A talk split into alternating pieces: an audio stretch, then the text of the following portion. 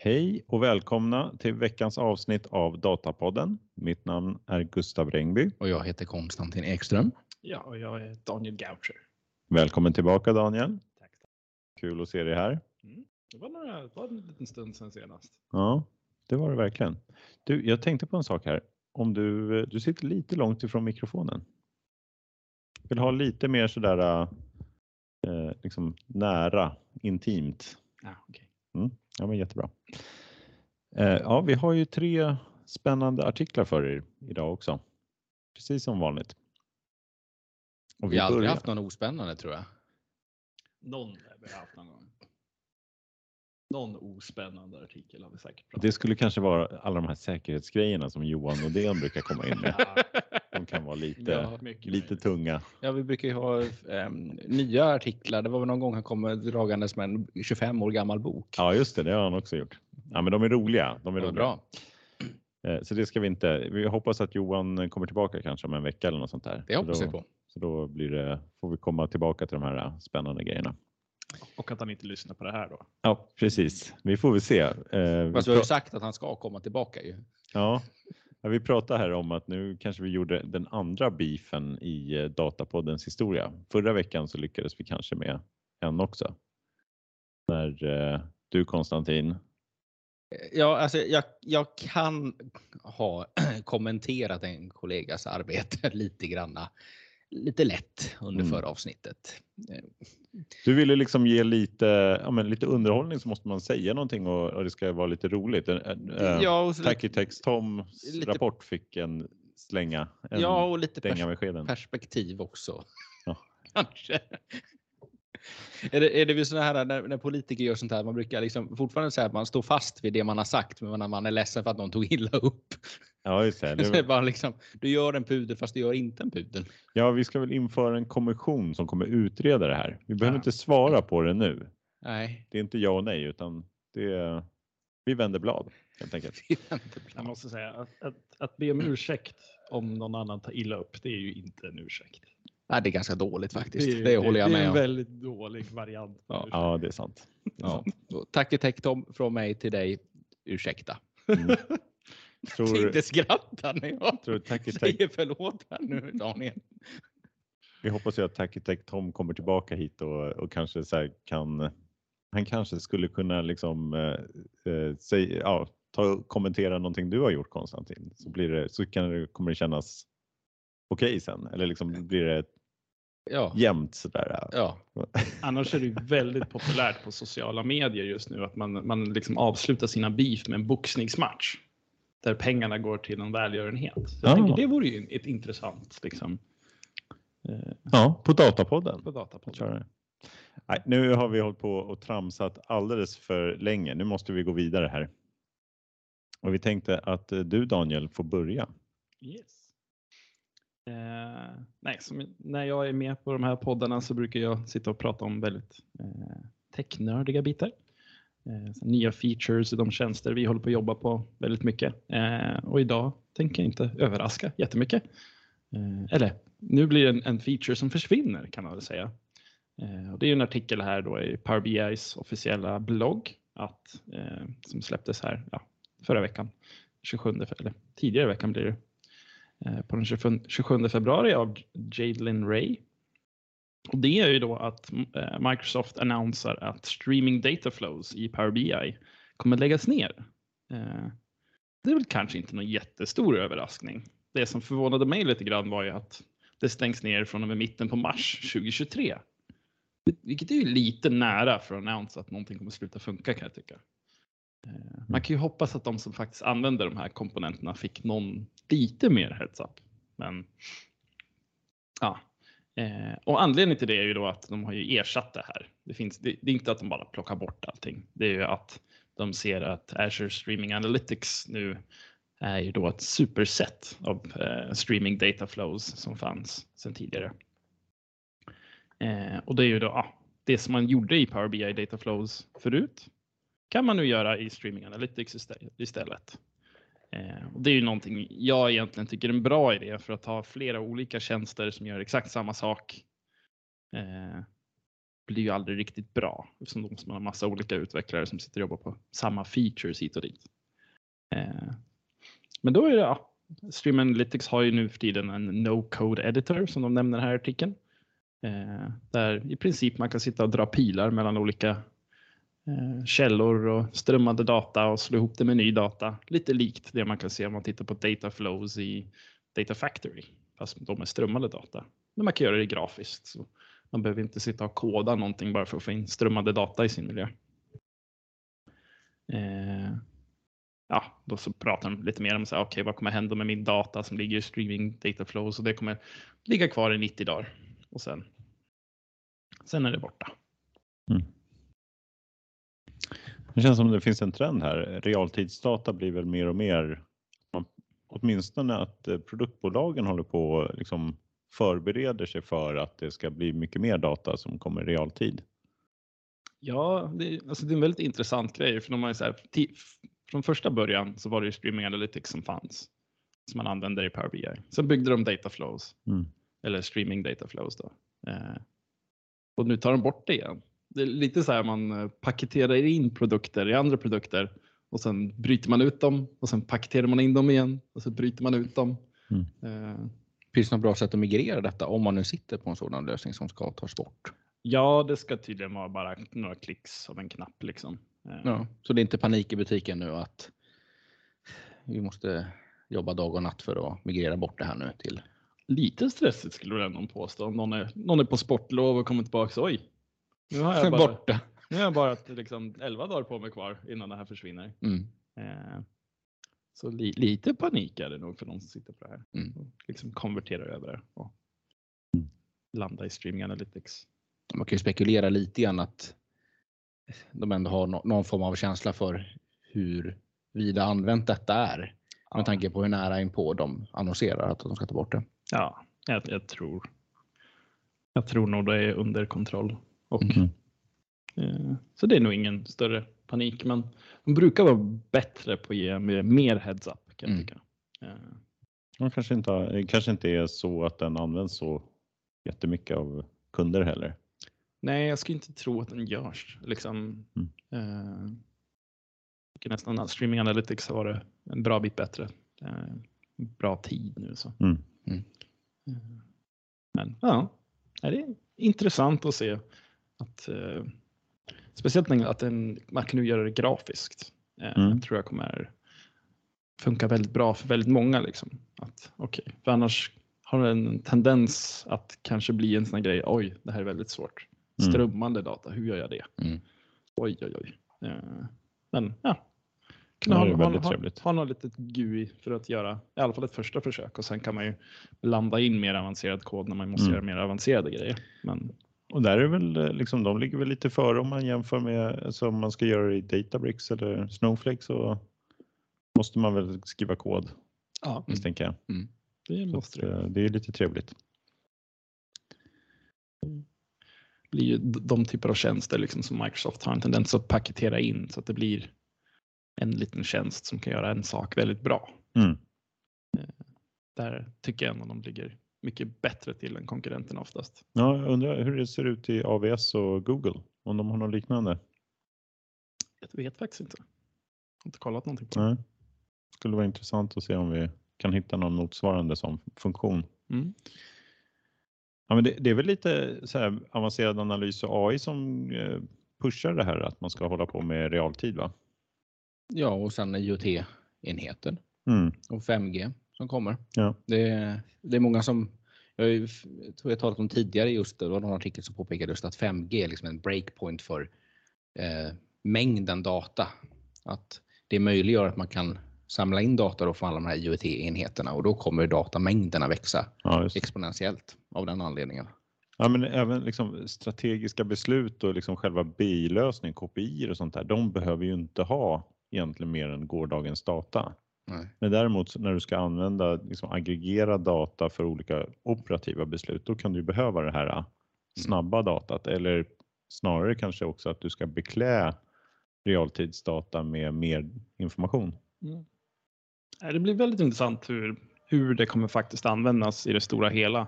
Eh, framåt i tiden. För jag tycker strömmande data har ju varit en sån här grej som har varit på kartan väldigt länge nu. Som man har pratat om. Oj vad spännande med strömmande data. Mm. Och så blir det att man gör någon liten pock på det och sen kommer man fram till äh, det är nog inte riktigt värt det för oss just nu. Mm. Ger inte så mycket. Eh, så det, men det är väldigt spännande. Men eh, tiden får väl utse hur mycket det i praktiken kommer användas mm. just ur rapporteringssyfte liksom, ja, i vår bransch. Ja. Ska vi gå vidare? Ja, det tycker jag. Konstantin? Vi går vidare till Snowflake Data Cloud for Telco. Och Snowflake har ju sitt koncept de kallar Data Cloud, vilket är ett ekosystem av partners som man kan eh, som kan använda och dela data med varandra. Och det handlar både om applikationer som kan köras direkt på Snowflake och utgivare av dataset, alltså externa dataset som man kan få access till dem. Och Snowflake har ju tidigare gjort industri specifika indelningar av sitt data cloud.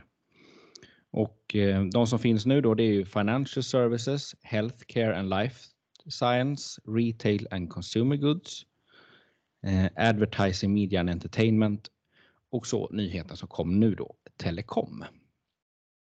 Och vad innebär detta då? Jo, det är ju då för det första så lanseras för telekom relevant data och applikationer på Snowflakes Marketplace. Och ett syfte här som de nämner är att hjälpa telekombolagen att monetärisera sin data så att de ska kunna tjäna pengar helt enkelt på, på, på sin egen data. Och för andra så har Snowflake säkerställt ett ekosystem av telekomcentriska partners för att bearbeta data. Och det handlar om tjänster och applikationer för enhetlig hantering med fokus på säkerhet och eh, privacy. Som är väldigt viktigt inom denna bransch. Och många också såklart. Och för det tredje så riktar Snowflake fokus på ökad mängd data som kommer av 5G. Eh, för då blir det ett väldigt stort fokus just telekom eh, med strömma data och ta hand om och bearbeta IoT-data och sådär. Ehm, så här de, de eh, intervjuade Snowflakes Industry Lead för Telco, Phil Kippen. Och han säger att Snowflake har målsättningen att stödja med AI och datadrivna tjänster. Och han säger också att den största vinsten för telekombolagen är samarbetsmöjligheterna, såväl att dela data inom bolaget som att använda tredjepartsdata. Och tittar man på konkurrenterna så har ju också de industrifokuserande erbjudanden. Eh, man kan nämna Databricks som i mångt och mycket har precis samma indelningar som Snowflake kör. Så ja, jag satt och reflekterade lite grann vad, vad, vad tillför det här lite grann? För att det man läser eh, som man tar upp som, som argument, det är väldigt mycket standardfunktionalitet. Det är liksom inte så mycket att det är eh, något, något specifikt nytt runt omkring på själva plattformen. Ehm, så det kan jag tänka mig som den främsta vinsten då är att Snowflake får då liksom en know-how, att man har en avdelning som ska säga, dedikerar experter inom en viss industri. Och det gör ju då att man kan ja, samla in eh, olika, olika typer av krav som då kan bli någonting annat. Till exempel om man vill ha en transaktions, möjlighet att ha transaktionstabeller, lagra data transaktionellt. Ja, men det är något som väldigt många eh, Eh, har, har nytta av så att det kanske blir, stand, det blir en standardfunktionalitet. Men att, att samla upp det och se att här finns ett, ett brett case för detta för väldigt många bolag. Då blir det ju ett, ett, ett värde av det. Eh, och sen kanske också, för det, andelen workloads tenderar också har ju tenderat att växa så att det kommer, de lägger till väldigt många olika. Och då behöver man kanske ha hjälp att, att guida, att vad ska man använda för vilket syfte? Ehm, och även att man får liksom en, den här hjälpen att hur man ska lösa vissa, ehm, ja, vissa case och sådär. Att det ändå finns en, man kanske bygger upp någon form av best practice. Vad, vilka komponenter man använder och hur man kanske kombinerar och, och sådär. Ja. Låter rimligt. Ja. ja. ja. Man gissar väl att de ser ett behov från deras liksom, partners och kunder de har varit och pratat med att de blir efterfrågade om hur best practice är inom just deras affärsområde. Mm. Mm. Så det låter väl rimligt.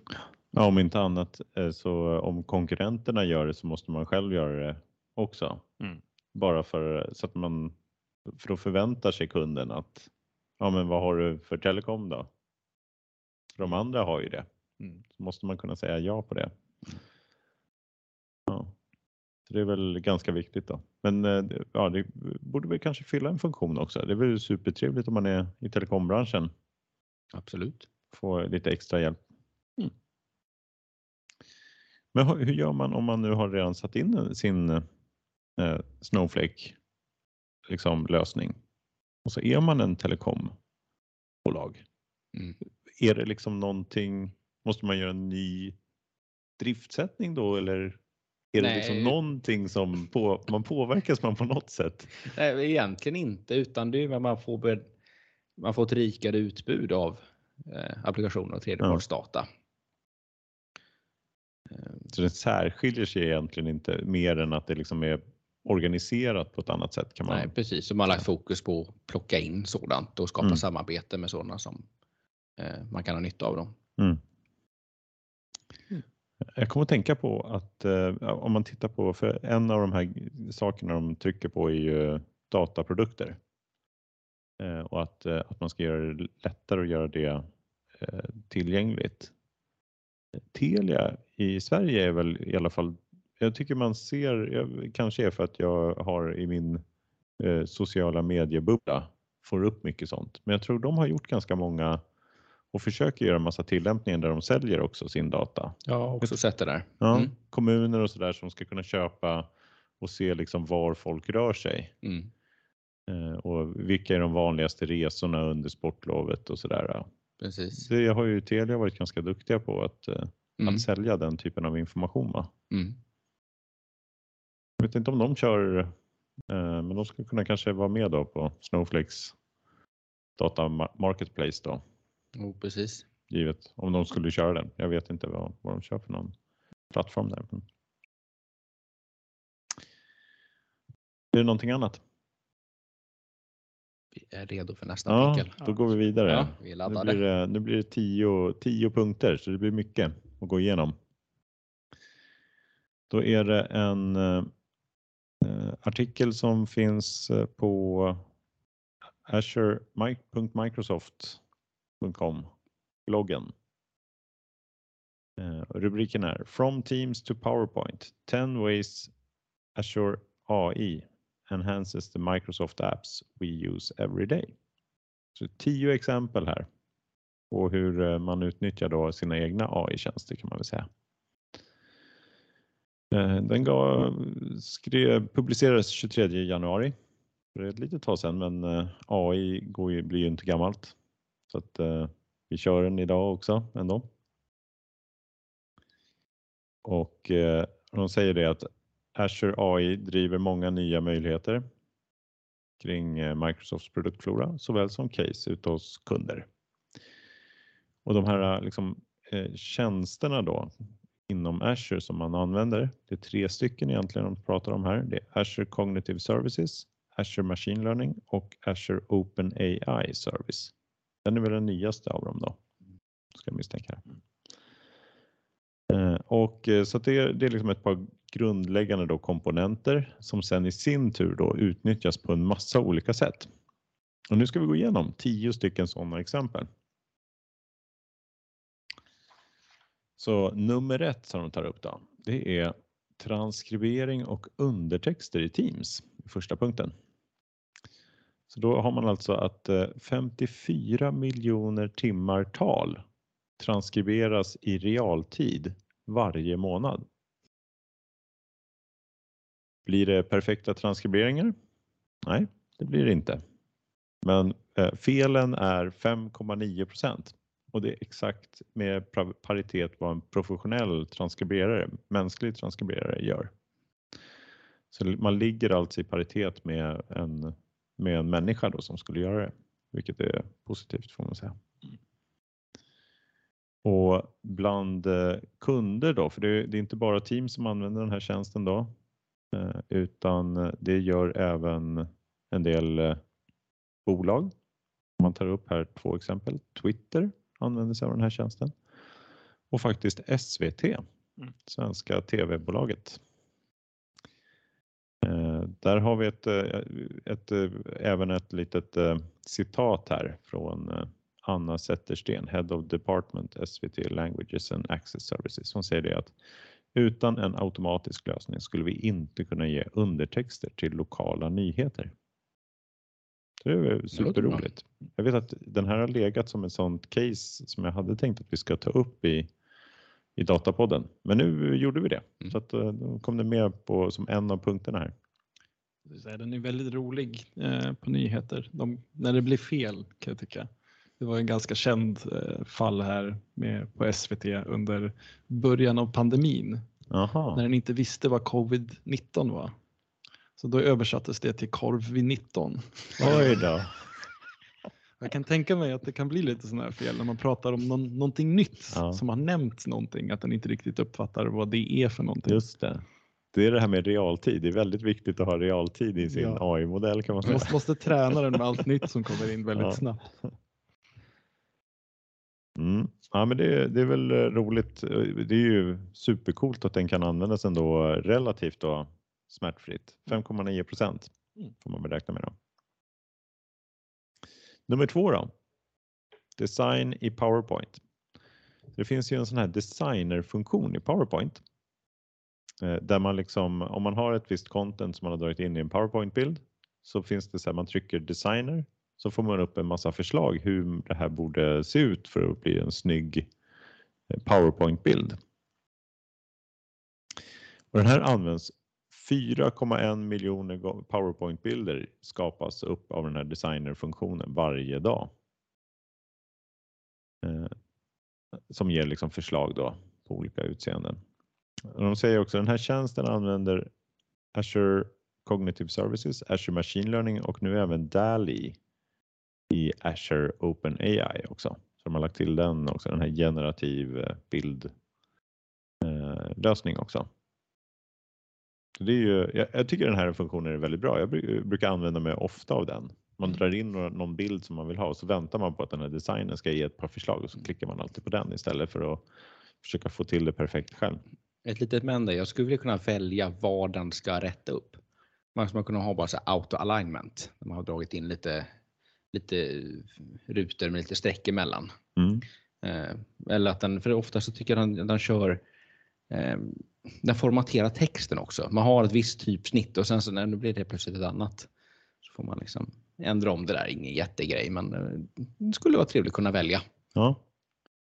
Kan man tänka sig att snart är vi i det läget där jag kan bara skriva in jag vill ha PowerPoint-deck med 20 sidor som pratar om det här som jag har tänkt prata om så jag slipper göra, göra en egen PowerPoint. Ja, liksom. ja. Dali kan rita upp några fina bilder och så kan man köra upp liksom ChatGPT för att generera upp texten. Och, mm. Det är väldigt trevligt. Ja. Du kan skicka in den i någon form av Eh, uppläsare då som väntas hålla presentationen. Ja exakt och sen kan ju speech recognition texta det då också. Ja.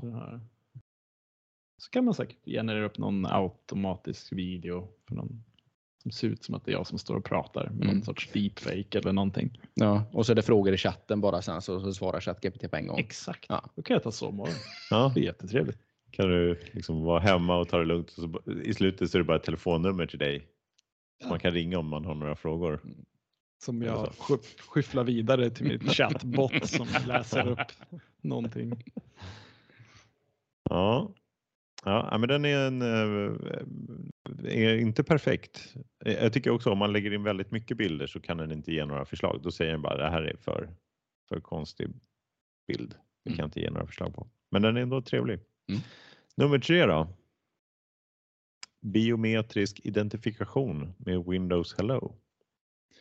Så det här handlar ju om ansiktsigenkänning som man utnyttjar. Eh, när man eh, har sin Windows så kan man liksom logga in på eh, Windows med ansiktsigenkänning. Då. Och den här tjänsten utnyttjar Cognitive Services for Vision. Så det är en del av Cognitive Services-tjänsterna. Då. Kan vi nämna de här tre som fanns.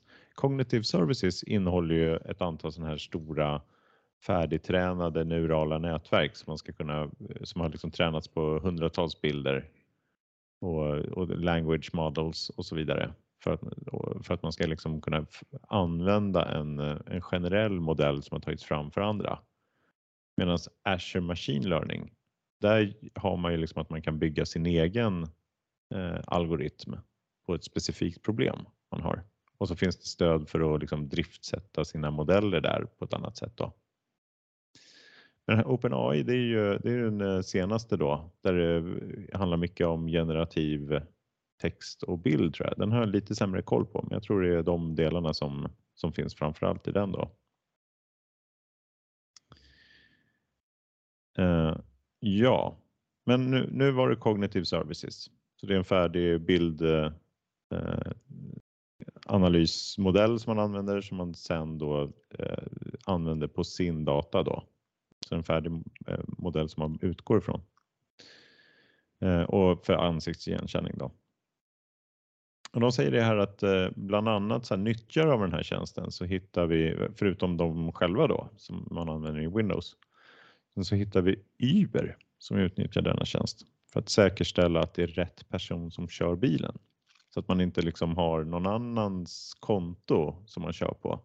Så måste man logga in hela tiden med sitt ansikte. Eh, och det verkar vara ett smart sätt att verifiera och skapa trygghet då för Uber. Då. Jag börjar märka av att på min dator att jag kanske måste träna om eller att den får känna igen mig igen. Det var så många år sedan nu som jag liksom konfigurerade upp den där. Och jag tror inte den har hängt med att jag har åldrat några år sedan jag först satte igång den. Så den kanske har en hitrate på 50% nu för tiden. Aj då, aj då. Mm. Så man får ha det i åtanke den stödjer inte åldrande så jättebra. Nej, just det. Mm. De, de borde ju lägga till det då, att, eh, för det finns ju sådana AI-modeller också som räknar ut hur man kommer se ut om fem år. Ja, så skulle man lägga till det i bilden, liksom, att den alltid gör det. Mm. Man ska jämföra. Undrar om ens liksom, far eller morfar skulle kunna liksom, logga in på ens dator. För att, ja, men så här kommer du se ut när du är gammal, så det här, räcker, det här funkar. Ja, precis. Så du bara ställer om datumet på datorn. Ja. Sen så kan Sen så kan ens äldre släktingar logga in. Ja, det är bra. Vi går vidare. Nummer fyra. Personaliserade rekommendationer i Xbox. Så Xbox använder Cognitive Services och inom Cognitive Services så finns det tjänsten Personalizer som är egentligen en färdig då rekommendationsmotor kan man säga. Eh, och eh, det finns fler som har använt den här då. I, bland annat så nämner de här då Microsoft Docs som jag tror är en del av learn.microsoft.com idag. Och det, det, är ju alltså en tjänst för eh, att man om man ska försöka lära sig eh, något programmeringsspråk eller något sånt där så finns det en massa dokument där som man kan ta del av. Och med den här personalizer-tjänsten då så har de kunnat då dubbla antalet dokumentvisningar för en besökare. Mm. Det är positivt. Eller betyder det att den hänvisar till ett annat dokument som hänvisar till ett annat dokument så att det tar längre tid tills man hittar det man är ute efter så man går, går till dubbelt så många hemsidor? Precis, det kanske är så. Man vet aldrig. Beror på vad de har tränat den på. Lite ja. Uh, ja, nej, men det, det, är väl ändå en, trevligt att de har gjort. Uh, man kan ju bygga en rekommendationsmotor av uh, de vanliga liksom, algoritmerna också. Men det är ändå trevligt att det finns en, en färdig liten sån här tjänst för det också. Absolut. Nummer fem. Inläsning. Så då har man både browsern Edge och i Microsoft 365, alltså Office heter väl Microsoft 365 nu för tiden. Yeah. Så Word och ordbehandling och alla de här Excel och det här. Så finns det möjlighet att få texter upplästa.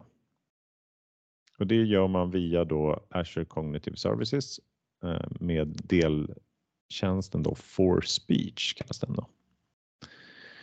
Eh, och eh, det finns också en tjänst där som heter eh, en ytterligare liksom utveckling av det där som heter Immersive Reader också, som också är en tjänst på Azure. Som gör det ännu enklare då att använda den här funktionen text till tal. Som exempel då säger de här att USA Today, tidningen USA Today har det här, så utnyttjar den här förtjänsten då så när man, då har man liksom att man kan trycka hör denna artikel. Så, så kan man liksom istället för att ta del av den skrivna så får man den uppläst då för sig. De kan ju vara lite roliga. Sådana där uppläsningstjänster ibland. Jag vet inte riktigt hur den här är på att ha betoningar och sådär. Men typ så här, Saltsjöbanan kan lätt bli Saltsjöbanan när den liksom läser upp det bara liksom stavelse ja, för stavelse. Ja. Jag undrar om man kan träna den så att den har ens egna röst. Liksom. För då tänker jag, då kan jag använda den när de skulle ringa mig på det här telefonnumret i slutet. Just det. Mm. Mm. Så kan jag få den att prata så att det låter som mig också. Mm. Det mm. Absolut. Det vore helt klart en, en fördel. Ännu, ännu bättre. Få höra ja. sig själv läsa upp allt det, liksom, texter och så. Ja. Och så är det inte en själv. Nej, precis. Ja. Nummer sex då bildbeskrivning och klassificering. Så man kan alltså klassificera, tagga och beskriva innehållet på bilder. Eh, och det här används av LinkedIn för att förenkla arbetet med rubriksättning men också göra då LinkedIn mer tillgängligt. För då om man har en synnedsättning eller något sånt där som man inte ser lika bra så kan man få det i eh, alternativtexter på alla bilder. Och det här, ah, då använder man både Cognitive Services for Vision och Azure OpenAI säger man då, använder man där. Det är ju väldigt trevligt att det kan göras automatiskt nu för tiden. Verkligen. Som en gammal webbutvecklare så vet jag hur många timmar man la på att skriva de där alt-texterna på alla bilder så att det skulle kunna hittas och tolkas av Google vad den här ja, bilden innehöll för någonting. Mm. Så man kunde få hamna bättre till i sökresultat och allt sånt där. Mm. Kunna ha det automatiskt. Det är stor tids sparare. Ja. Även om man har en stor bilddatabas, för det är många som har det. Just det. Eh, typ tidningar och sådär, ja. helt enorma bilddatabaser. Att kunna söka på, mm. att inte behöva veta vad man ska söka på för att få upp något speciellt utan man kan ja, skriva fritt. Mm. Däremot så tar man ju bort massa arbete från alla sommar, sommarjobbare som sitter och tittar på alla de här bilderna och kategoriserar dem istället. Mm, kanske kan göra något annat. Det blir fler foton då? Kanske kan fota? Ja, fot, fota. Eller? Ah, ja. ja. Kan du åka skateboard? Ja. ja. Det här är inte dock det enda. Det är inte bara LinkedIn som kan använda de här eh, bildklassificeringarna. De tar också upp eh, fler möjligheter här med klassificering av bilder. Då säger man att klassificering kan även användas inom tillverkningsindustrin för att eh, då till exempel identifiera kvalitetsproblem på produktionslinjen. Eh, så att det, och då får man väl kanske använda, då tror jag det är mer kanske Azure Machine Learning eventuellt. Mm. Eller om man kan använda den där äh, färdiga också då.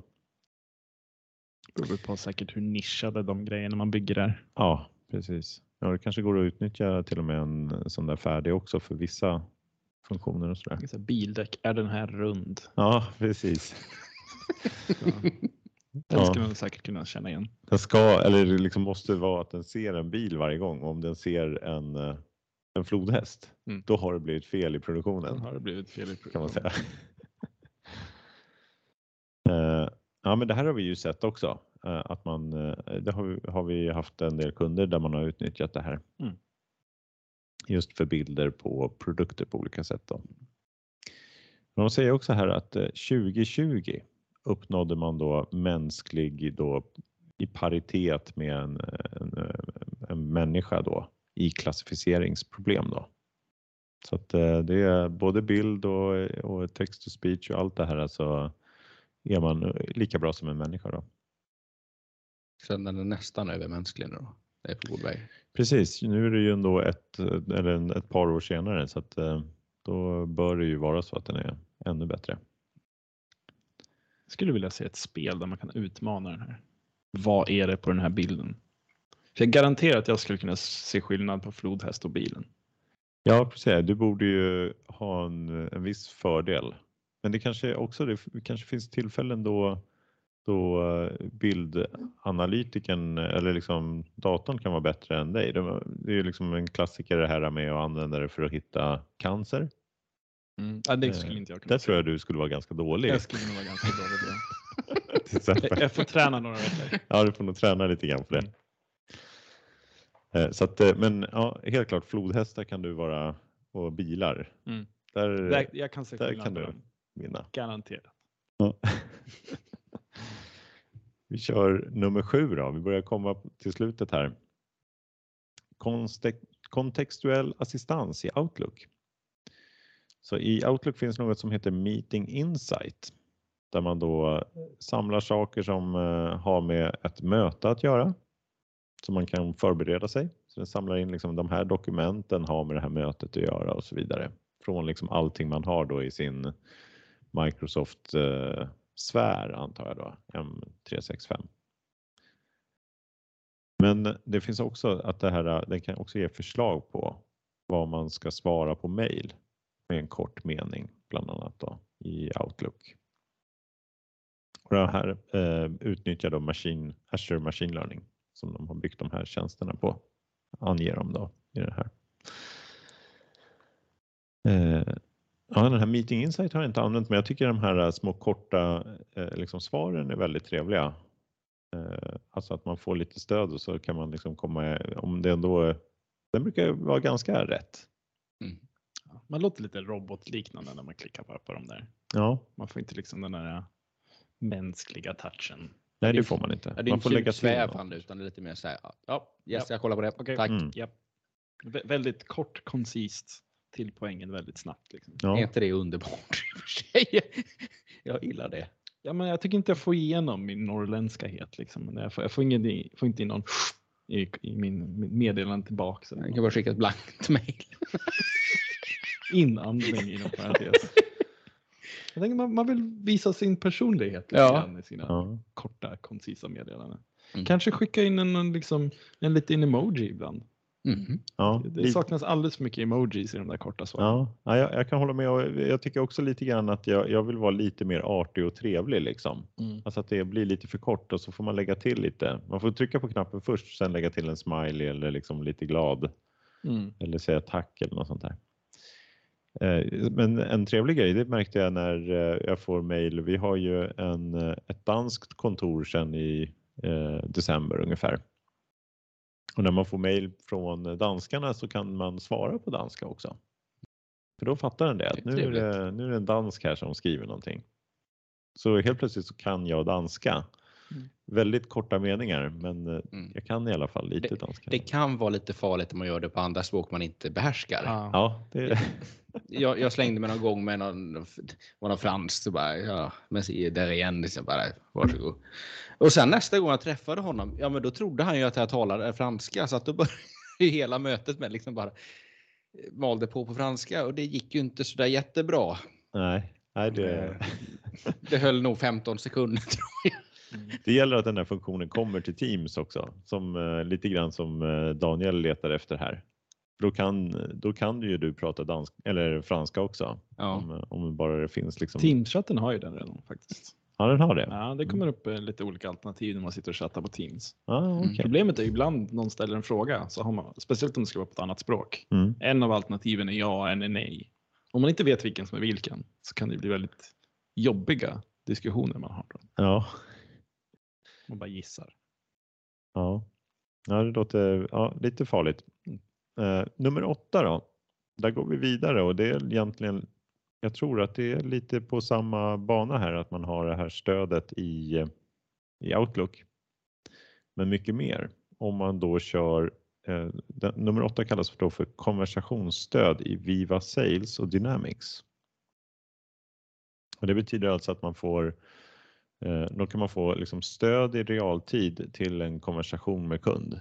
Eh, om den då görs i chattformat eller mail eller att man pratar med kunden på olika sätt. Då. Så ska den liksom sitta och lyssna av en och liksom ta fram rätt data och sånt där som är intressant och kanske logga och så vidare i, eh, då, i Dynamics. Då.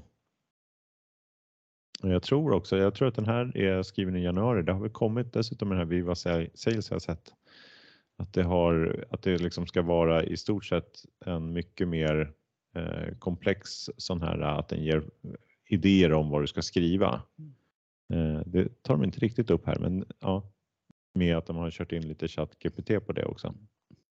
Men lite grann på samma spår så var de ju inne på i var någon, någon amerikansk firma som skulle ha med några sådana här glasögon som man inte behövde ha med en advokat in i eh, rättssalen. Mm. Så att man ser smart nog ut? Så att de tror att man är en egen, sin egen, egen advokat? Ja, det kan vara det också. Men han skulle i alla fall då eh, spela in då det som händer i rättssalen och sen så kommunicera vad man ska säga för att försvara sig. Mm. Amerikanska rättssystemet var väl kanske inte riktigt så glad över det så att det gick väl inte så jättebra. Men det var ändå lite det här konceptet att du får mm. liksom realtidsrespons baserat på det som händer. Mm.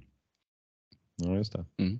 Jag tänker då kan man ju bara lika gärna skippa alla jurister och så får bara AI besluta helt enkelt.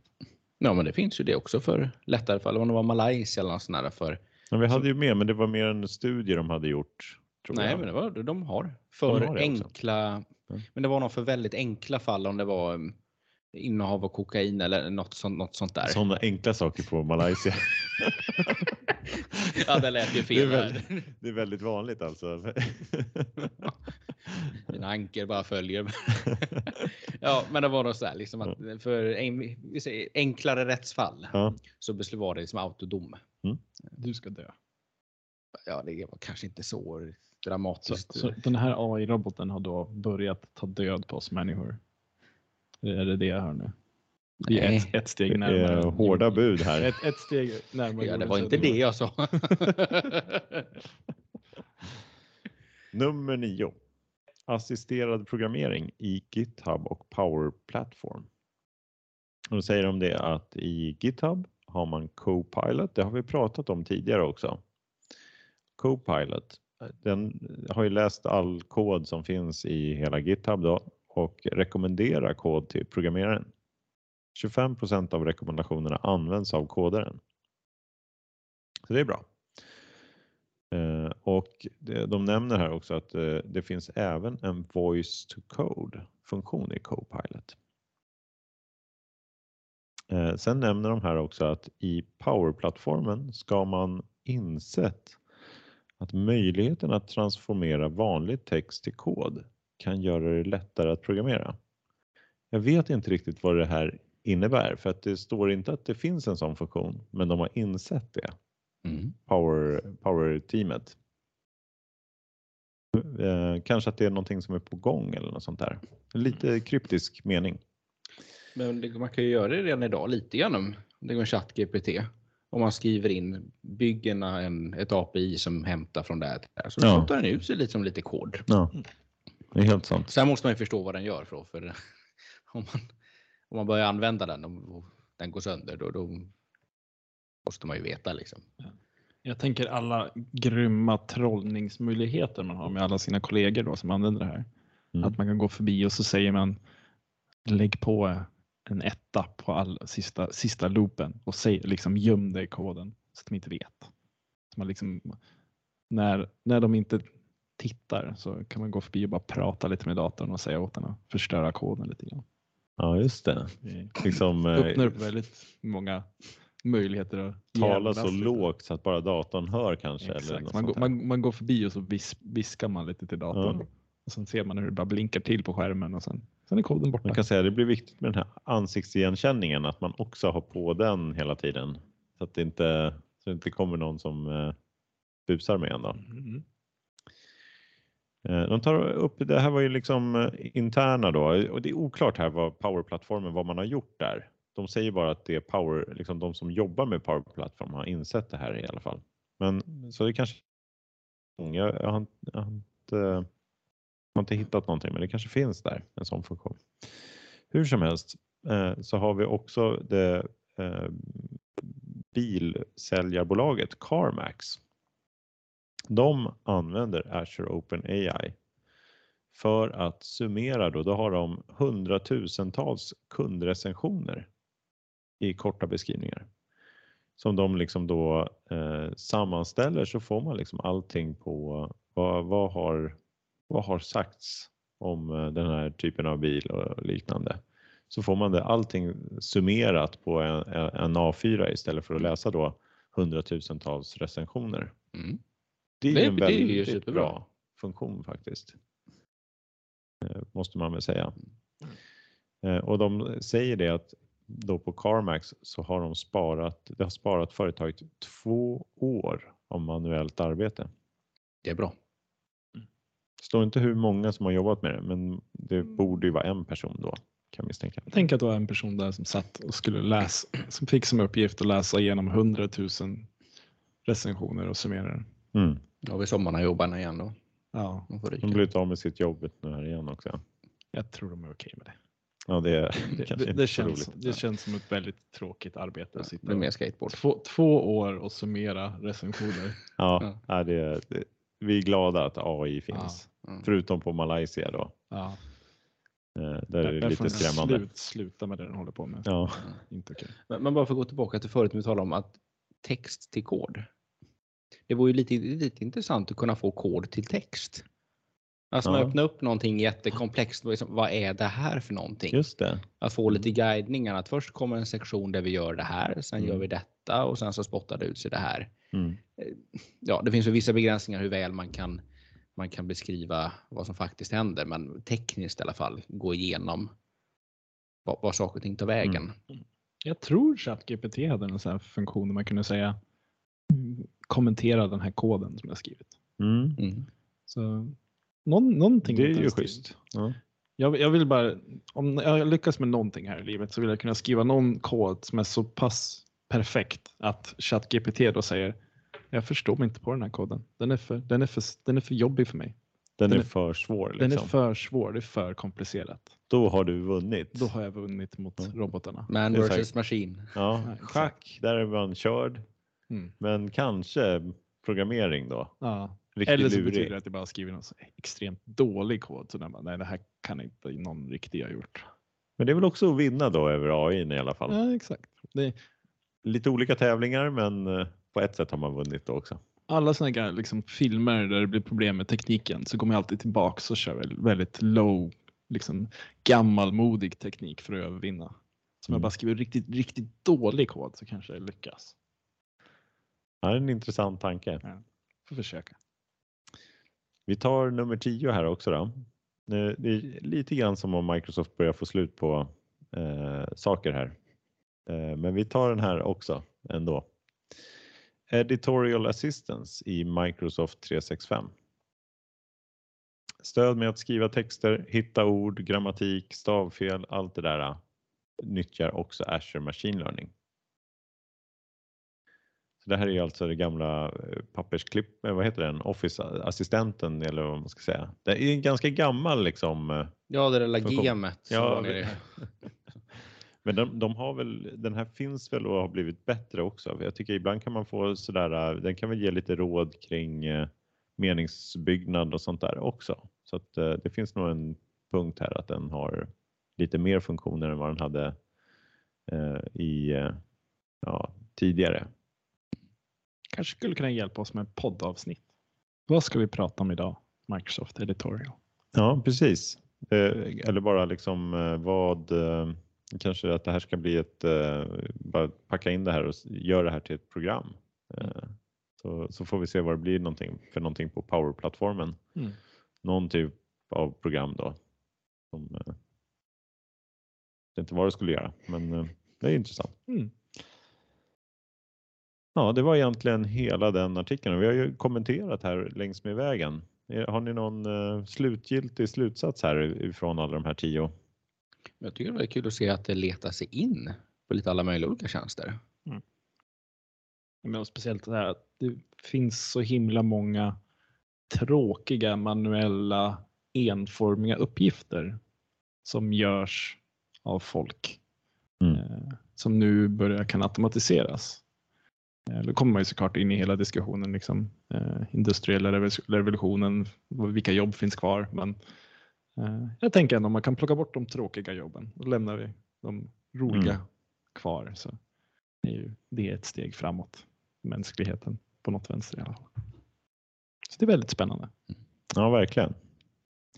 Ja, nej, alltså, det är väl, jag, jag gillar den här äh, kundrecensionerna också. Den tyckte mm. jag var, det var en lite rolig grej liksom att få just det här. Man kan ju tänka sig att alltså, lite grann så om man nu skulle ha tagit de här 100 000 förut och kvantifierat, då kanske man liksom får ut hur många är positiva, hur många är negativa.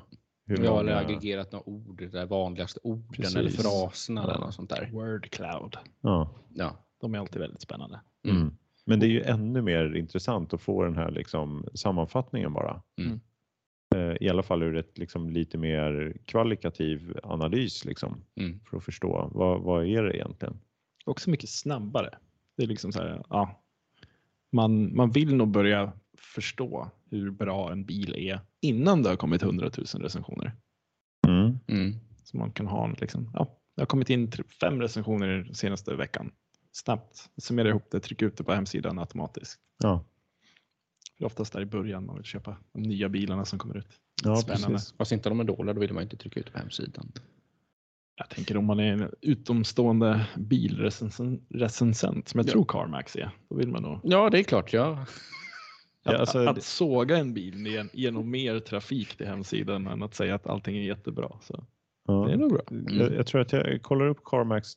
De är alltså, de säljer ju begagnade bilar. Det kan ju betyda att de äger de begagnade bilarna och då är man ju känd för att vara den mest, alltså de står i paritet med advokater och politiker i liksom eh, dåligt anseende. Mm. Eller så äger de dem inte och då, är de, då kanske de är lite mer ärliga. Mm. mm. Kan man säga. Eh, jag vet inte om CarMax liksom är så elaka, men det brukar väl vara en sån, eh, en sån stereotyp. Mm. Just att eh, bilsäljare. Framförallt vara... used car dealers. Ja, precis. Det ska vara liksom det hemskaste som finns. Det är nu man får lägga till det här ordet allegedly.